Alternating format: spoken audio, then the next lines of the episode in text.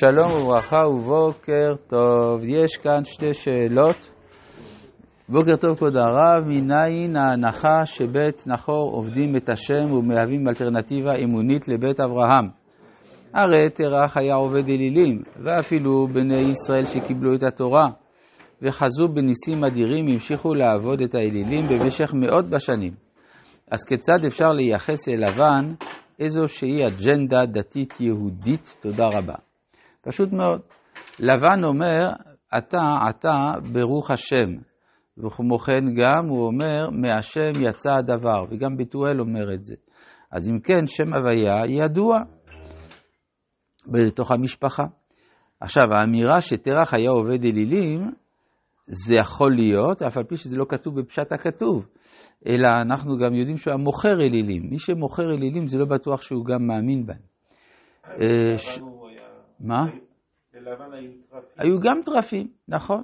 למה גנבת את אלוהי? המצד אומר, אלוהי, אלוהי אברהם ואלוהי נחור ישפטו בינינו. אז משמע שאפשר להבין על דרך הפשט, שאלוהי אברהם ואלוהי נחור, שהוא אלוהי אביהם, זה אותו אחד. למרות שבהלכה זה לא ככה. בהלכה אלוהי אברהם קודש ואלוהי נחור חול. אבל בפשט הכתוב אין לנו ראייה שהם לא מאמינים באותו אלוה. במיוחד שאם אנחנו רואים את ספר איוב, שבו פועלים כל מיני אנשים מהמשפחה של תרח, כולם. אליפז התימני, בלדד השוחי, צופר הנעמתי ואיוב עצמו שהוא מארץ עוץ, כולם מאמינים באל אחד. כך שאנחנו מבינים שאמונת הייחוד הייתה מצויה באותה החברה. שלום כבוד הרב. מה? אברהם החליט שצריך להשמיד, כלומר לבטל עבודה זרה. וזה חידוש, כי באותם הימים היה מקובל, נכון, יש אל אחד, זה לא מונע לעבוד לעוד. שלום כבוד הרב, הפירוש של אליעזר אחז במבושיו של אברהם לצורך השבועה תמוה למדי, שכן הוא שם את אברהם בעמדת נחיתות, שהרי כל אונו ועתידו כביכול כלואים בידו של העבד. האם לא מתקבל יותר על הדעת שאברהם הוא שכולא את ידו של אליעזר תחת ירחו, במובן הפשוט של המילה ירך. תודה רבה. בכלל, התמיהה איך אברהם כלוא בידי אליעזר, היא לא, גם בלי הסיפור של סימנה ידך תחת ירחי, שהרי אברהם משביע את, את עבדו שלא ייקח אישה מבנות הכנעני, כאילו שכל הגורל של המשפחה תלוי באליעזר, שזה דבר תמוה כשלעצמו, אלא מה, מושל בכל אשר לא, נאמר. אז כך שאיך שלא נסביר את זה, רואים שיש לעבד הזה, שאומרים שהוא אליעזר, יש עמדת עליונות מלכתחילה על אברהם בזמן זקנותו. כן, על זה מספרים לנו, ואברהם זקן בה בים. אבל, רק רגע, רק רגע. לגבי המילה ירך, המושג ירך מציין בדרך כלל בתנ"ך את החלק שבין הרגליים. כמו עד ירחה עד פרחה מקשהי. הירך של המנורה זה המקום של ההתפצלות של רגלי המנורה. כן, בבקשה. למה הרב אמר שחושבים שהוא אליעזר? למה אמרתי שחושבים שהוא אליעזר? כי חושבים שהוא אליעזר. מה? מי עוד זה יכול להיות העבד? מישהו אחר, לא כתוב שזה אליעזר. נכון? אבל באמת חושבים שהוא אליעזר, ככה מובא בחז"ל, קוראים לו אליעזר. טוב, אנחנו ממשיכים בפרק כ"ד, פסוק ז', השם אלוהי השמיים אשר לקחני מבית אבי ומארץ מולדתי, ואשר דיבר לי, ואשר נשבע לי לאמור לזרעך אתן את הארץ הזאת, הוא ישלח מלאכו לפניך, ולקחת אישה לבני משם. שילוח המלאך הוא דבר מעניין. הרי בהתחלה הוא קורא לקדוש ברוך הוא אלוהי השמיים ואלוהי הארץ כשהוא בארץ ישראל, אלוהי השמיים כשהוא בחוץ לארץ. אז מי מושל בארץ בחוץ לארץ? המלאך. כלומר, המלאך, כאילו הקדוש ברוך הוא ששוכן בארץ, לפי הפשט, כן? שוכן בארץ, שולח את המלאך שלו לחוץ לארץ. זאת אומרת שהנהגת חוץ לארץ היא דרך אמצעים. איך שלא נקרא להם, או מלאכים, אבל הם אמצעיים ולא פעולה ישירה. לכן אמרו חכמים שכל היוצא לחוץ לארץ כעובד עבודה זרה, או ישראל שבחוץ על הארץ עובדי עבודה זרה הם. עבודי עבודה זרה בטהרה הם, בטהרה, כי זה מותר, אבל זה בכל זאת עבודה זרה. והשאלה שתישאל אה, במהלך הלימוד שלנו, זה מצא את המלאך, כן? למשל, יש בציורים, לפעמים חידות כאלה, יש איזה יער סבוך, איפה מסתתר יוסי, כן? או איפה אפי, כן? אז אה, גם פה בתוך הטקסט, חלק מן הספורט שלנו יהיה למצוא איפה המלאך מסתתר. כי הרי אברהם אומר בוודאות, הוא ישלח מלאכו לפניך, זה לא תפילה, זה ידיעה.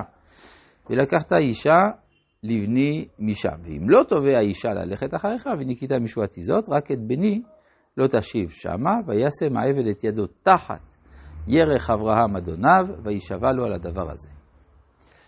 אז כאן uh, מתחיל סיפור ארוך במיוחד, שעליו אמרו חז"ל, יפה שיחתם של עבדי אבות מתורתן של בנים. זאת אומרת שיש בהתנהגויות האבות משהו שבהליכה טבעית הוא כולו קודש. ואצלנו התורה היא קודש, מה שמחוץ לתורה זה חול. אבל זו לא מדרגה הכי עליונה, משום שאז יש לך עולם מפוצל, ואנחנו מאמינים באחדות האלוה. אבל אצל עבדי האבות, אז שיחתן יפה מתורתן של בנים. לכן הכתוב מעריך בזה. ויקח, פסוק י', ויקח העבד עשרה גמלים מגמלי אדוניו וילך. וכל טוב אדוניו בידו ויקום, וילך אל ארם נהריים אל עיר נחור. איך הוא לוקח גמלים? יש טענה שנטענה אצל מבקרי המקרא, שהפסוקים שמדברים על גמלים אצל האבות הם אנכרוניזם. כלומר, הרי התקופה שמדובר עליה כאן זה המאה ה-18 לפני הספירה, בעוד שהגמל, לפי הנתונים של הארכיאולוגיה, בוית רק במאה ה-12 לפני הספירה. אם כן, כשהכתוב אומר שיש לאברהם גמלים, הוא בעצם אומר דבר שהוא לא נכון מבחינה היסטורית, כי הגמלים בויתו רק 400 שנה מאוחר יותר. כך הטענה של מבקרי המקרא. הטענה הזאת הפסיקה להיטען לפני כ-30 שנה, כאשר מצאו כתובת באסיה הקטנה, מהמאה, בתל אללח, תל קדום מאוד, ושם יש כתובת מהמאה ה-18 לפני הספירה, שבה נאמר שצריך לתת מנת מספו לגמל. ואז, מכאן ואילך, הוחלט שהגמל כן היה מבוית במאה ה-18 לפני הספירה. אז יש פה שאלה, ואם לא היו מוצאים את הכתובת, אז uh, היו, היו ממשיכים לומר שזה אנכרוניסטי. אם כבר, חדשות טובות בתחום הארכיאולוגיה, עד לפני כמה חודשים טענו שהסיפור של נפילת חומות יריחו איננו יכול להיות, משום שאומנם מצאו חומות ביריחו עתיקות שנפלו, אבל זה 500 שנה לפני יהושע. כך שהמחבר המקראי בעצם לקח סיפור קדום והעתיק אותו אל תקופה מאוחרת.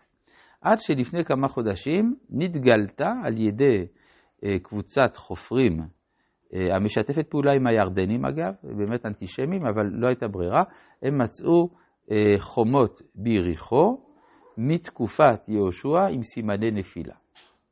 בעיה. ואם לא היו מוצאים, אה? טוב, זה מראה שיש איזו טענה, איזו חולשה בסיסית בטענות של מבקרי המקרא, אה, והיא הטענה של לא ראינו הוא ראייה. יש לנו כלל, לא, לא ראינו אינה ראייה. אז בקיצור, הוא לוקח עשרה גמלים מגמלי אדוניו וילך. ברור שאם הוא לוקח גמלים, הוא לוקח איתו אנשים גם, זה מה, זה מה שמובן פה. וילך אל ארם נהריים, אל עיר נחור. אז. מה? עשרה זה הרבה. ואני אגיד שיש הרבה ממון שם.